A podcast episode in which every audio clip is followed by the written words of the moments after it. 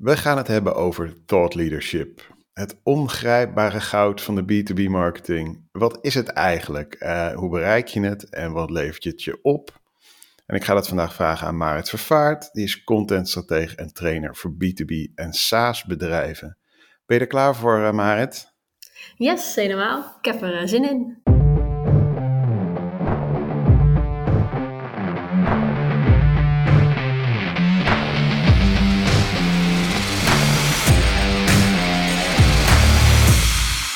Hey, dit is in samenwerking met Marketing Facts, de B2B Content Podcast. En we nemen dit op op 13 december 2022.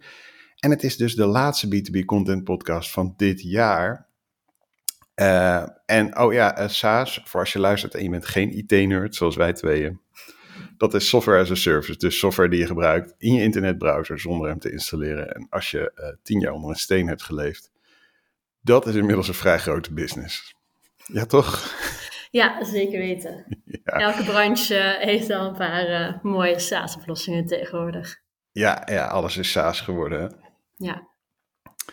hey, uh, nou, ik, ik ga gewoon uh, met de deur in huis vallen. Tenminste, superleuk dat je er bent. Dat zeg ik gewoon. En dat zeg ik, dat ga ik ook op koffiebekers zetten. Superleuk dat je er bent. en ik ga je gewoon vragen. Thought leadership.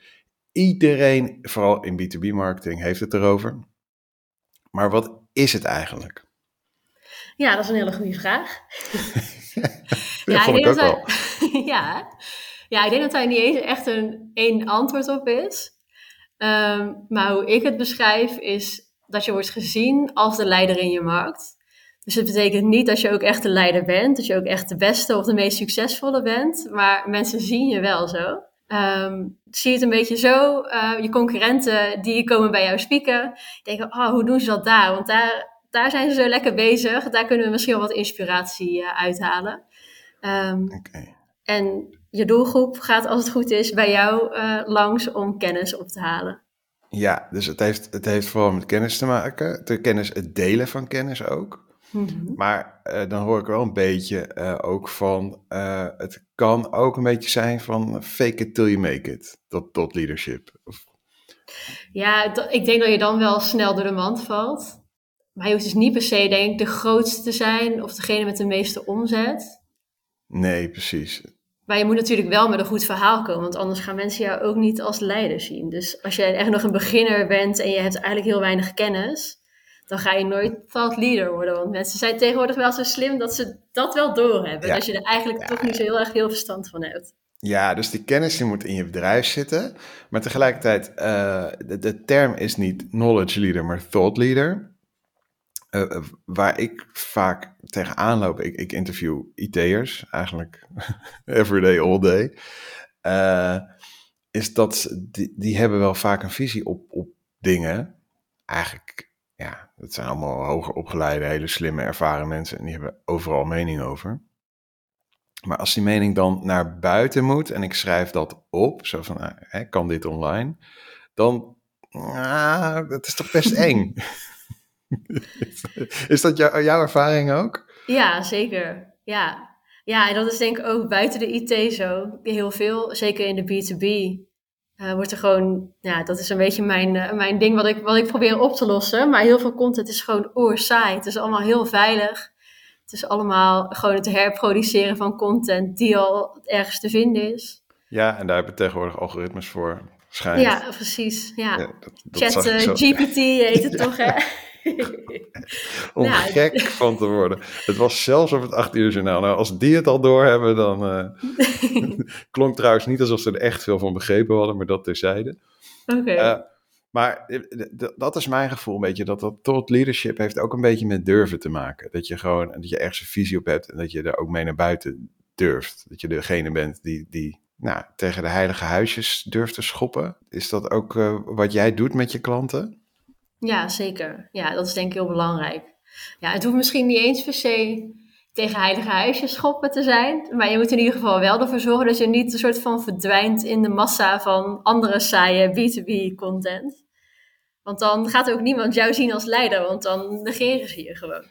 Ja, ja, tegenwoordig hebben mensen natuurlijk niet echt heel veel uh, tijd over in hun dag. En ze worden al overweldigd door allerlei communicatie, boodschappen. En als ze dan ook jouw saaie artikel nog moeten gaan lezen, dan gaan ze dat gewoon niet doen. Dus okay. dan gaat ook niemand jou als leider zien als ze niks van je lezen.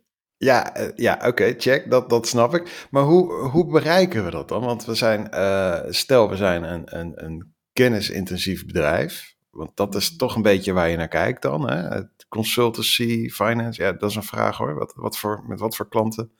Ja, hoe, ja, je, ja, je moet wel veel kennis in huis hebben inderdaad. Maar kan ik wel echt op allerlei gebieden zijn. Dus ook als je bijvoorbeeld ik veel machines bouwt of zo. Daar kun je natuurlijk ook heel veel verstand van hebben. Dan kun je ook uh, op een hele innovatieve manier doen. En dat kun je ook naar buiten brengen. Dus je hoeft eigenlijk niet per se een consultancy-achtig bedrijf te zijn.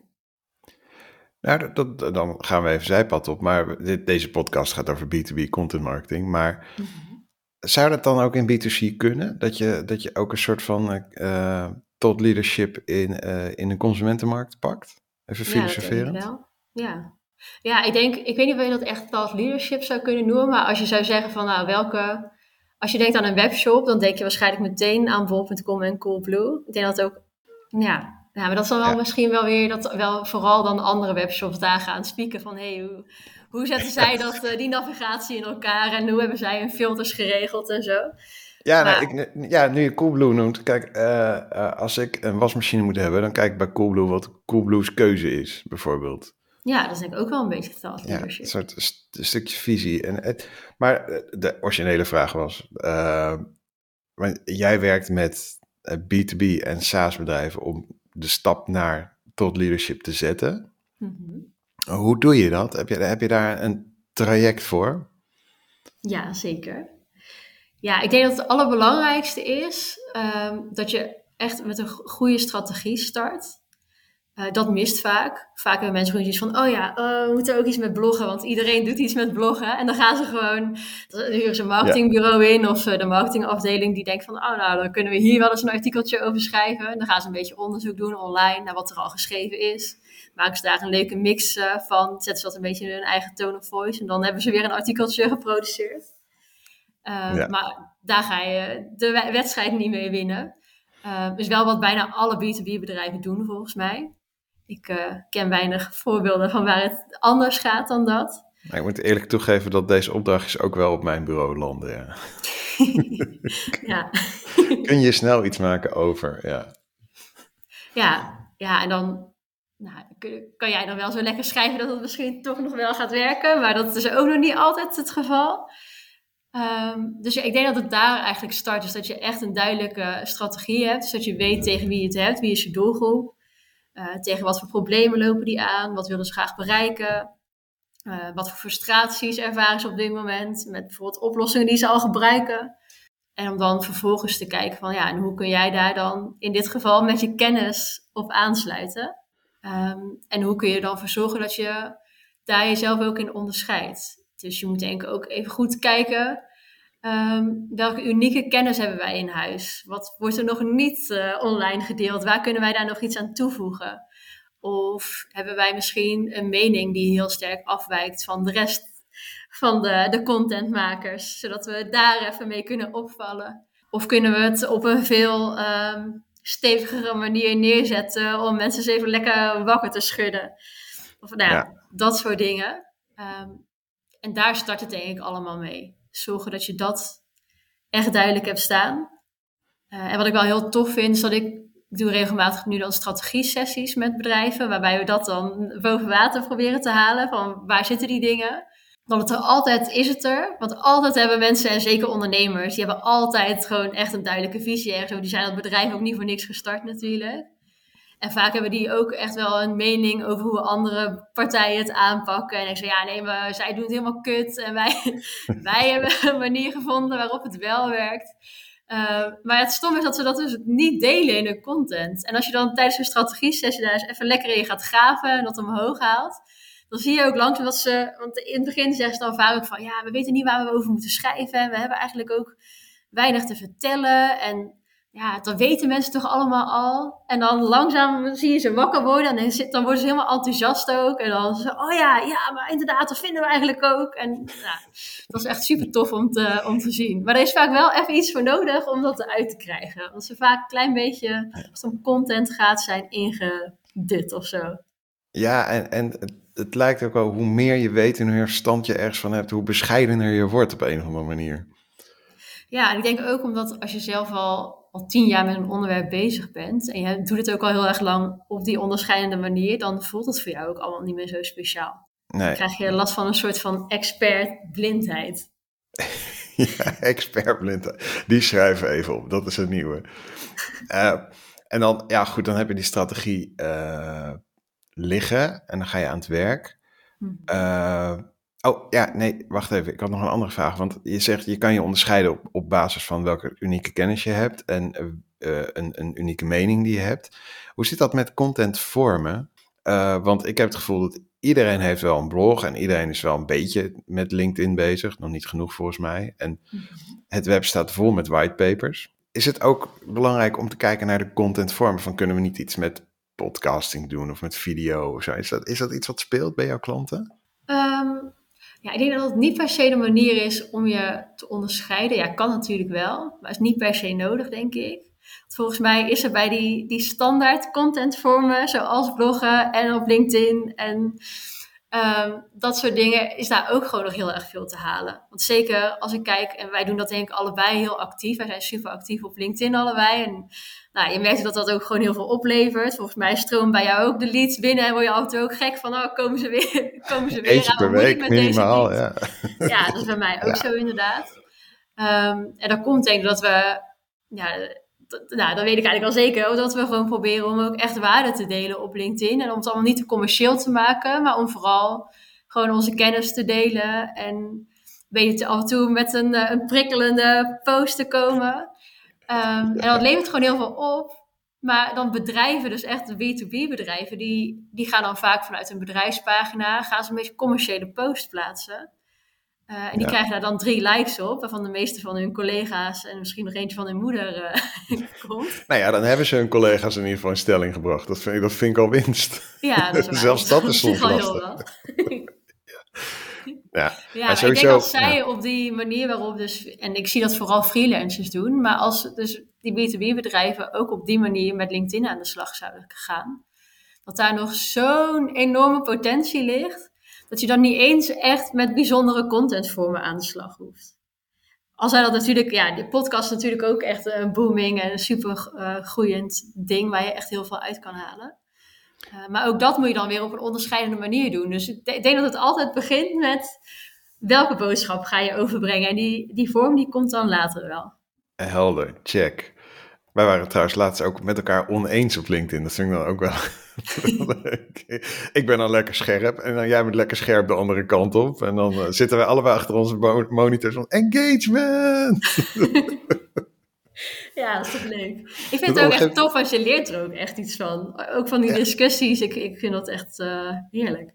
Ja, op een gegeven moment ben je ook, want ik post nou dus twee keer per dag. Uh, en dat is best wel veel werk, maar het heeft als enorm voordeel dat je echt bijna geen tijd meer hebt om over die posts na te denken. Je moet die posts gewoon schrijven, je moet ze nalezen en dan moeten ze gewoon online, want je moet verder met je dag. En dan raak je die angst kwijt voor, oh, wat als ze het niet met me eens zijn, of wat als ik iets verkeerd zeg. Of, dat, dat is dan kwijt gewoon. Je, je hebt gewoon een soort routine, twee keer per dag posten, uh, druk op plaatsen, uh, verder met je werk. Ja, ja het is denk ik nog, nog gekker, want je je merkt ook gewoon als je dus een beetje zo'n enge post plaatst, waarvan je in eerste instantie denkt van oeh, moet ik dit nou wel doen? En gaan nu niet heel veel mensen eh, irritant lopen doen in de comments?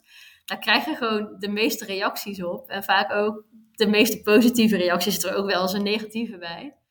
Maar je raakt er ook gewoon een soort van, uh, ja, je wordt daar gewoon enthousiast van. Dan denk je, oeh, hoe kan ik de volgende keer nog prikkelender zijn? En oh, misschien als ik daar even deze eerste zin in zet, dan, ja. dan, dan, kan ik misschien mensen nog een klein beetje meer triggeren of zo. Het wordt gewoon een soort van leuk spel uiteindelijk. Ja, en een dopamineverslaving was geboren, ja.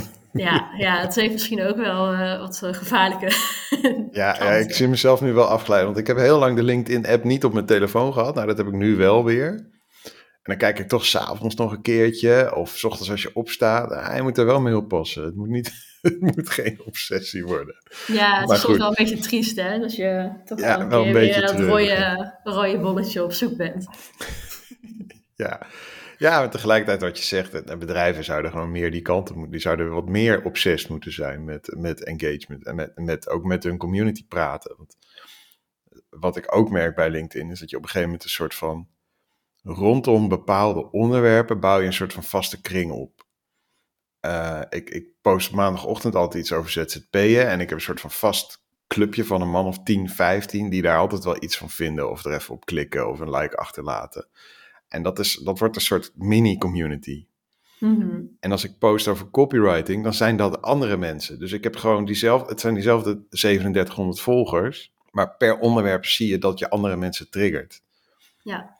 En, en dat lukt volgens mij alleen als je een beetje volume draait. Want als je 200 volgers hebt op je bedrijfspagina, en je hebt op die contentkalender van je, dit is even een bruggetje naar mijn volgende vraag, mhm. heb je eh, vier, vijf verschillende thema's staan, dan kun je nooit je hebt dan eigenlijk niet genoeg data om te kijken van nou, wat slaat er nou aan en wie reageert op wat en wie kunnen eventueel benaderen voor een gesprek of wat dan ook. Dat, dat is een beetje mijn ervaring. Je moet eerst gewoon massa opbouwen, gewoon gaan en, en schrijven en knallen. Ja, eens. maar dat is dus mijn volgende vraag, want, want, je hebt dan die strategie, die heb je liggen, je weet hoe je gaat onderscheiden. Je hebt, wat ik ook uit je verhaal hoor, is, uh, hoor, is dat je een soort van uh, ook enthousiasme creëert. Dat je die workshops ook daarvoor gebruikt, om iedereen een beetje uit zijn stoel te krijgen. Ja. En dan is iedereen uit zijn stoel en je weet wat je wil bereiken en, en, en hoe ongeveer. Mhm. En dan moet je dat handen en voeten geven. Ja. Dus dan moet, je dat, dan moet je daar een proces voor bouwen. Ja, inderdaad. Ja, en dan de eerste stap. Um, want dat is, ja, ik, ik, ik, ben, ik was hiervoor, voordat ik met weer strategie en training aan de slag ga, een copywriter. En dan huurden mensen mij vaak in om dan blogs te schrijven. En nu ga ik eigenlijk een klein beetje tegen, daar tegenin. Want ik vind eigenlijk dat je dus het creëren van content... Je kunt het wel voor een deel extern beleggen, maar je moet het niet 100% extern beleggen, wat mij betreft. Want die kennis en die visie die zitten in jouw organisatie. Um, als je het allemaal extern belegt, of zelfs binnen je marketingafdeling die een beetje in een silo opereert, dan komt eigenlijk een klein beetje op hetzelfde neer. Um, dan ga je dus content produceren op basis van kennis die al online te vinden is. En dan voeg je dus eigenlijk niks toe. Um, dus wat ik op zijn minst zou zeggen, ga in ieder geval ervoor zorgen dat die externe copywriter of dat marketingteam in ieder geval de kennis en de visie vanuit de organisatie gaat ophalen. Uh, dus dat in ieder geval de experts de kennis uh, delen en uh, dat eh, het management de visie deelt. En dan het marketingteam die kan de data over vorige gedeelde content dan weer gebruiken. En zo ja, creëer je samen een soort van mooi beeld waar je iets mee, mee kan. dus wat mij betreft is de volgende stap, nadat je die strategie hebt neergezet, dat je voor gaat zorgen dat het personeel ook meegaat. Uh, bijvoorbeeld door die te trainen in bloggen of in zichzelf positioneren op LinkedIn. Uh, zodat die ook echt een, een duidelijke rol krijgen in dat hele contentproces. Uh, en zodat je ook daar dus die, die kennis en die visie uit kan ophalen. Dat die ook snappen wat, wat je aan het doen bent, waarom dat van belang is en wat daarvoor nodig is. Ja, want, want kijk, wij kijken natuurlijk best wel vanuit, vanaf de contentkant naar tot leadership. We zijn allebei content marketeers en, en voor ons is het een beetje van, nou ja, tot leadership, ja, daar heb je content voor nodig. Ja, duh. ja, maar, maar is, is er ook nog wel, er moet ook iets veranderen in zo'n bedrijf. Want, want je zegt, hé, je moet die consultants erbij trekken. Nou, we geven allebei dat soort trainingen hè, van eh, consultants in een kamer en, en laat ze maar een blogje schrijven. Uh, ik, ik, heb jouw training nog nooit in actie gezien, maar ik, ik, verdenk je ervan dat die heel veel lijkt op mijn training. Omdat dat zou heel goed kunnen. Ja, we hebben vergelijkbare achtergronden, vergelijkbare frustraties. Dus ik gok dat we ook vergelijkbare trainingen ontwikkeld hebben. Om, om juist dit, van hoe krijg je mensen nou zover dat ze uh, gaan zitten om die kennis een keer, nou ja, naar buiten te brengen. Ja. Uh, dus dat, ik ben nu vergeten wat mijn vraag was, maar dat maakt niet uit. oh ja, de vraag is: is thought leadership nou vooral een content kwestie? Of is er, moeten er ook echt fundamenteel dingen in het bedrijf veranderen? Dat is de vraag. Ja, dat laatste. Ja, het is allebei zo, denk ik. Want je moet toch ook content naar buiten gaan brengen. Want je moet die boodschap en die visie en die kennis naar buiten brengen. En daar heb je gewoon content voor nodig, wat mij betreft. Ja, je zou het ook door, weet ik veel, op events te gaan spreken of zo. Dat zou dan misschien geen content noemen. Maar het gaat toch ook wel weer gewoon om het naar buiten brengen van je boodschap en van je verhaal. Ehm, wacht, eh, ik ben de vraag even kwijt. Is het vooral, ja, dat kwam omdat ik zelf ook tijdens de vragen me afdwaalde. Is het vooral een content kwestie, eh thought leadership, of moeten er ook fundamenteel dingen in het, in het bedrijf gewoon veranderen? Hoe je, hoe je naar je business kijkt. Ja, dus dat laatste moet ook sowieso gebeuren. Want die mensen die, die die content moeten gaan produceren, die moeten daar natuurlijk ook de ruimte voor krijgen. Dus wat ik, ik heb ooit wel eens bij een bedrijf gezeten waar ze dan zeiden dat ze moesten gaan bloggen in hun eigen vrije tijd. Nou, daar kan je natuurlijk gewoon echt niet van mensen vragen. Dan krijg je ook enorme weerstand. Daar moet je gewoon ruimte voor maken. Je moet ook als organisatie het belang daar ook echt van inzien. En er gewoon 100% voor gaan. Mensen hebben gewoon echt sowieso wel vier uur nodig of zo. Misschien zelfs langer als je net begint met het schrijven van een blog. Ik weet niet hoe jij dat ziet hoor, hoe dat in, in jouw trainingen gaat. Misschien kunnen zij het na jouw training veel sneller. Mijn training duurt vier uur en dan is het de bedoeling dat ze met een blog naar buiten lopen, wat zeg maar, ja, nou, eh, 85% eh, af is. Ja, En precies. op de landingpage eh, waar je de training kunt bestellen staat dat, dat je naar buiten loopt met een blog dat online kan. Maar dat- ik geef toe, dat is een beetje marketingbladen. Er moet echt nog wat redactie overheen. ja, maar, ja dus, dus dat, is- ik zou zeggen, van, ja, er moet sowieso iets veranderen. Want er moet gewoon tijd ingepland worden Ja. om die content te gaan produceren. Ehm, plus, ik denk dat, en dat probeer ik ook tijdens die trainingen voor elkaar te krijgen, om ook nou, dat belang niet alleen bij het management duidelijk te maken. Daar, daar beginnen we natuurlijk mee. Het management moet gewoon aan boord zijn en zeggen: hier gaan we tijd voor maken en hier gaan we in investeren. Eh, maar dan moeten ook de mensen die het gaan produceren eh, nog enthousiast gemaakt worden.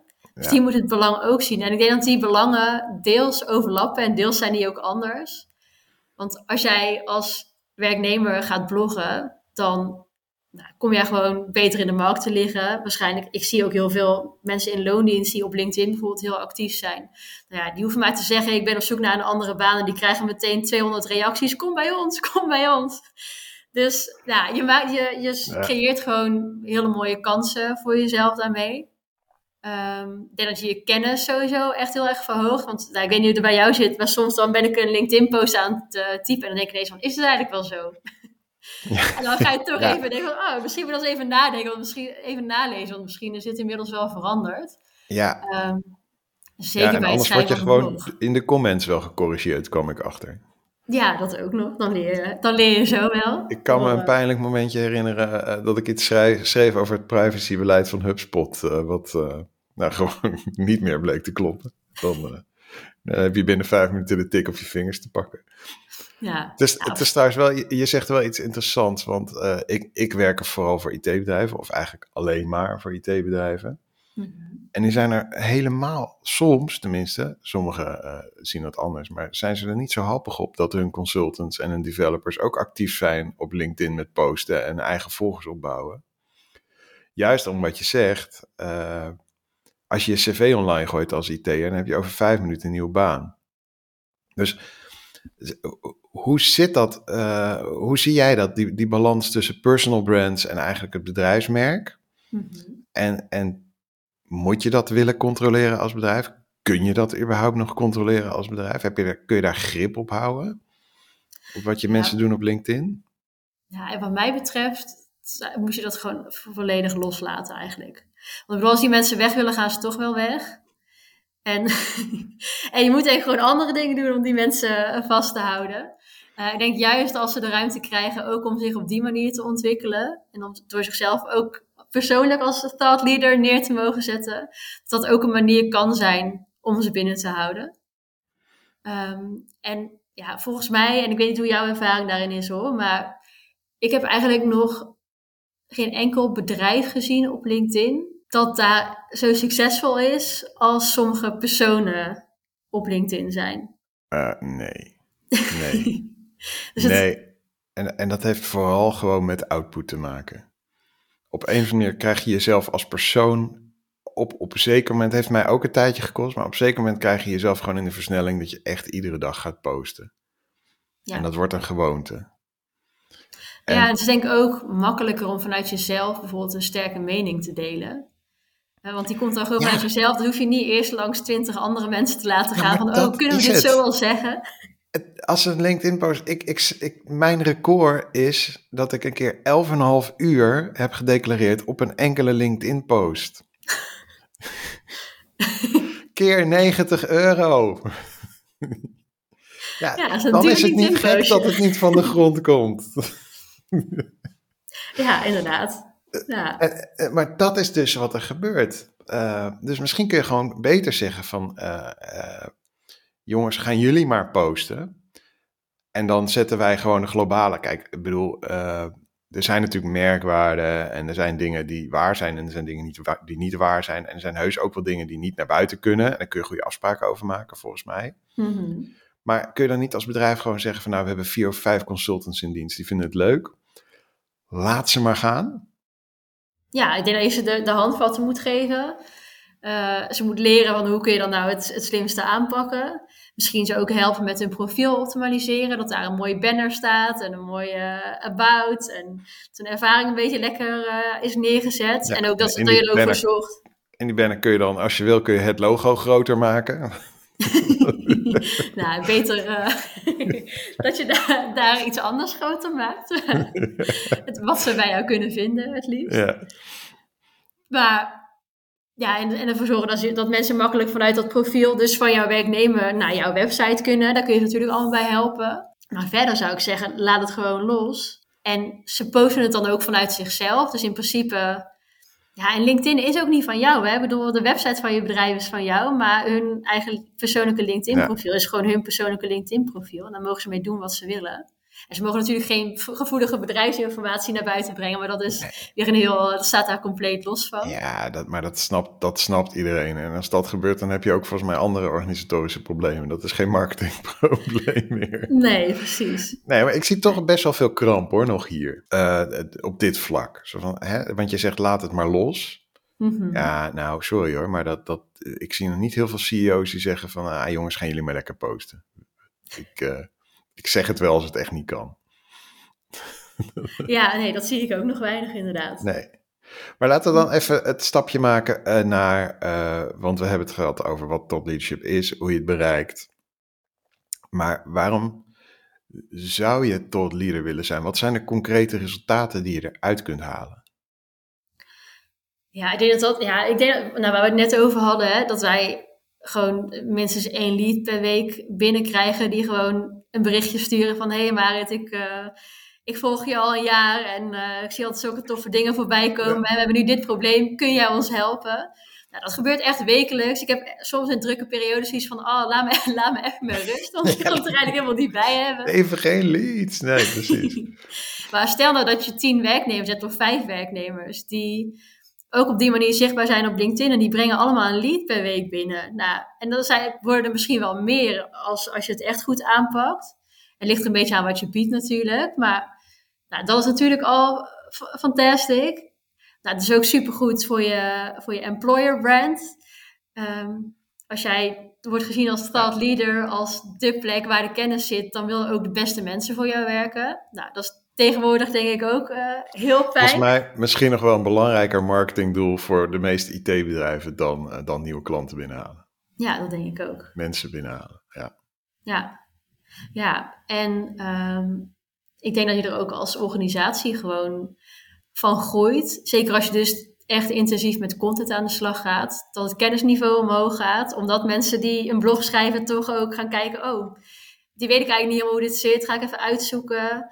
Ehm, plus je legt je kennis ook nog eens vast. Dus als werknemers weggaan, dan heb je een soort van database van kennisartikelen waar je op terug kan vallen. Wat echt super tof is. En je krijgt een soort van gezamenlijk doel. Want iedereen die ook snapt wat het belang is van content delen en ook een beetje wat het commerciële idee daarachter is, die raakt ook betrokken bij dat commerciële deel van je organisatie, wat denk ik ook in weinig organisaties op dit moment uh, het geval is. Nou, dat is denk ik ook super waardevol. Ehm, je gaat gezamenlijk naar een doorwerken, zorg je voor meer verbinding. Ik denk dat er zo extreem veel voordelen aan zitten, dat je eigenlijk gek bent als je hier niet mee aan de slag gaat. En het is gewoon ontzettend leuk. Het is gewoon ontzettend leuk om te doen. Want uh, ik zeg altijd tegen die consultants, als je op een borrel staat en je hebt dat biertje in je hand en, je, iemand stelt je een vakinhoudelijke vraag, nou, dan zit je ook op je praatstoel. Dan vertel je ook je verhaal. En dat doe je zonder erbij na te denken. En het enige, enige wat we anders doen dan dat, is dat we het opschrijven en online gooien. Dat is eigenlijk de enige extra stap. Ja, en wie vindt het nou niet heerlijk inderdaad om lekker over zijn vak te lullen? Dat is toch gewoon... Ja, eh, precies. En, en ik krijg dan, krijg ik, eh, maanden later krijg ik een telefoontje van iemand die zegt van, uh, ja, ik voelde me een beetje schuldig, want uh, ik kom tegenwoordig op allemaal borrels en dan zegt iedereen, je schrijft zulke leuke stukjes tegenwoordig. en dan durf ik niet zo goed te zeggen dat jij ze schrijft. en dan zeg ik, ja, maar ik, ja, ik heb ze technisch gezien heb ik ze geschreven, maar alle input komt van jou. Het zijn jouw ideeën, het is jouw mening, het is jouw visie. Dus pak alsjeblieft gewoon op die borrels waar allemaal data-experts of IT'ers met elkaar zijn. Pak gewoon de credits, weet je. Ja, maar dat, ja precies. Maar zo werkt het toch ook? Ik bedoel, iedereen heeft zo zijn, zijn talenten. En inderdaad, die visie en die kennis die moet bij jou vandaan komen. Maar die schrijfskills, die kun je gewoon lekker van iemand anders Ja, dat kun je gewoon inkopen. Ja, precies. Ja. En ja, dan krijg je toch iedere keer weer een beetje die ego-boost. Uh, het, is gewoon, ik merk dat heel veel mensen dat gewoon super leuk vinden. Logisch, ik ook. Nog één ding eigenlijk. Uh, want wij kennen elkaar van een copywritersclub. Het, ongeveer het klefste copywritersclubje van Nederland. We spreken er bijna dagelijks. ja, we zijn een soort van met elkaar vergroeid inmiddels, hè? Ja, nee, we doen ook wel eens een klant samen en zo, uh, inmiddels, ook daardoor. Maar uh, jij bent, of was, moet ik eigenlijk bijna zeggen, ook gewoon een hele goede copywriter. En, en, en je bent daar ook een beetje afscheid van aan het nemen. Dus je, eigenlijk ben je zelf het, het bedrijf maar het is ook in een soort van transitie uh, bezig. En je bent ook vrij open over op LinkedIn. Kun je daar iets over vertellen waar dat vandaan komt? Ja, zeker. Ja, ik ben de afgelopen paar jaar inderdaad vooral werkzaam geweest als copywriter. Ook, nog, ook voor B2B en SaaS trouwens. Um, en vind ik echt super leuk om te doen, nog steeds hoor. Maar ik merkte gewoon dat ik elke keer um, dan input aan het verzamelen was. En dat ik dan eigenlijk gewoon strategische gesprekken aan het voeren was met marketingmanagers en CEO's. Dat ik dat eigenlijk misschien wel veel leuker vind dan het uitvoerende. Um, want je merkt gewoon dat heel veel bedrijven, die hebben eigenlijk stiekem alles in huis. Alleen op de enige manier als ze het op papier moeten zetten of ze moeten het naar buiten brengen, dan, dan lukt dat gewoon niet. En die hebben gewoon echt hulp nodig van, ja, maar oké, tegen wie hebben we het nou eigenlijk? En wat doen jullie nou om diegene te helpen? En ja, ik vind dat, ik vind dat echt super leuk om daarmee bezig te zijn. Uh, plus, nou, waar we het net over hebben gehad, hè, ik merk gewoon dat dat contentstuk zoveel kan opleveren, maar dat bij heel veel organisaties gewoon nog heel veel dingen niet goed gaan.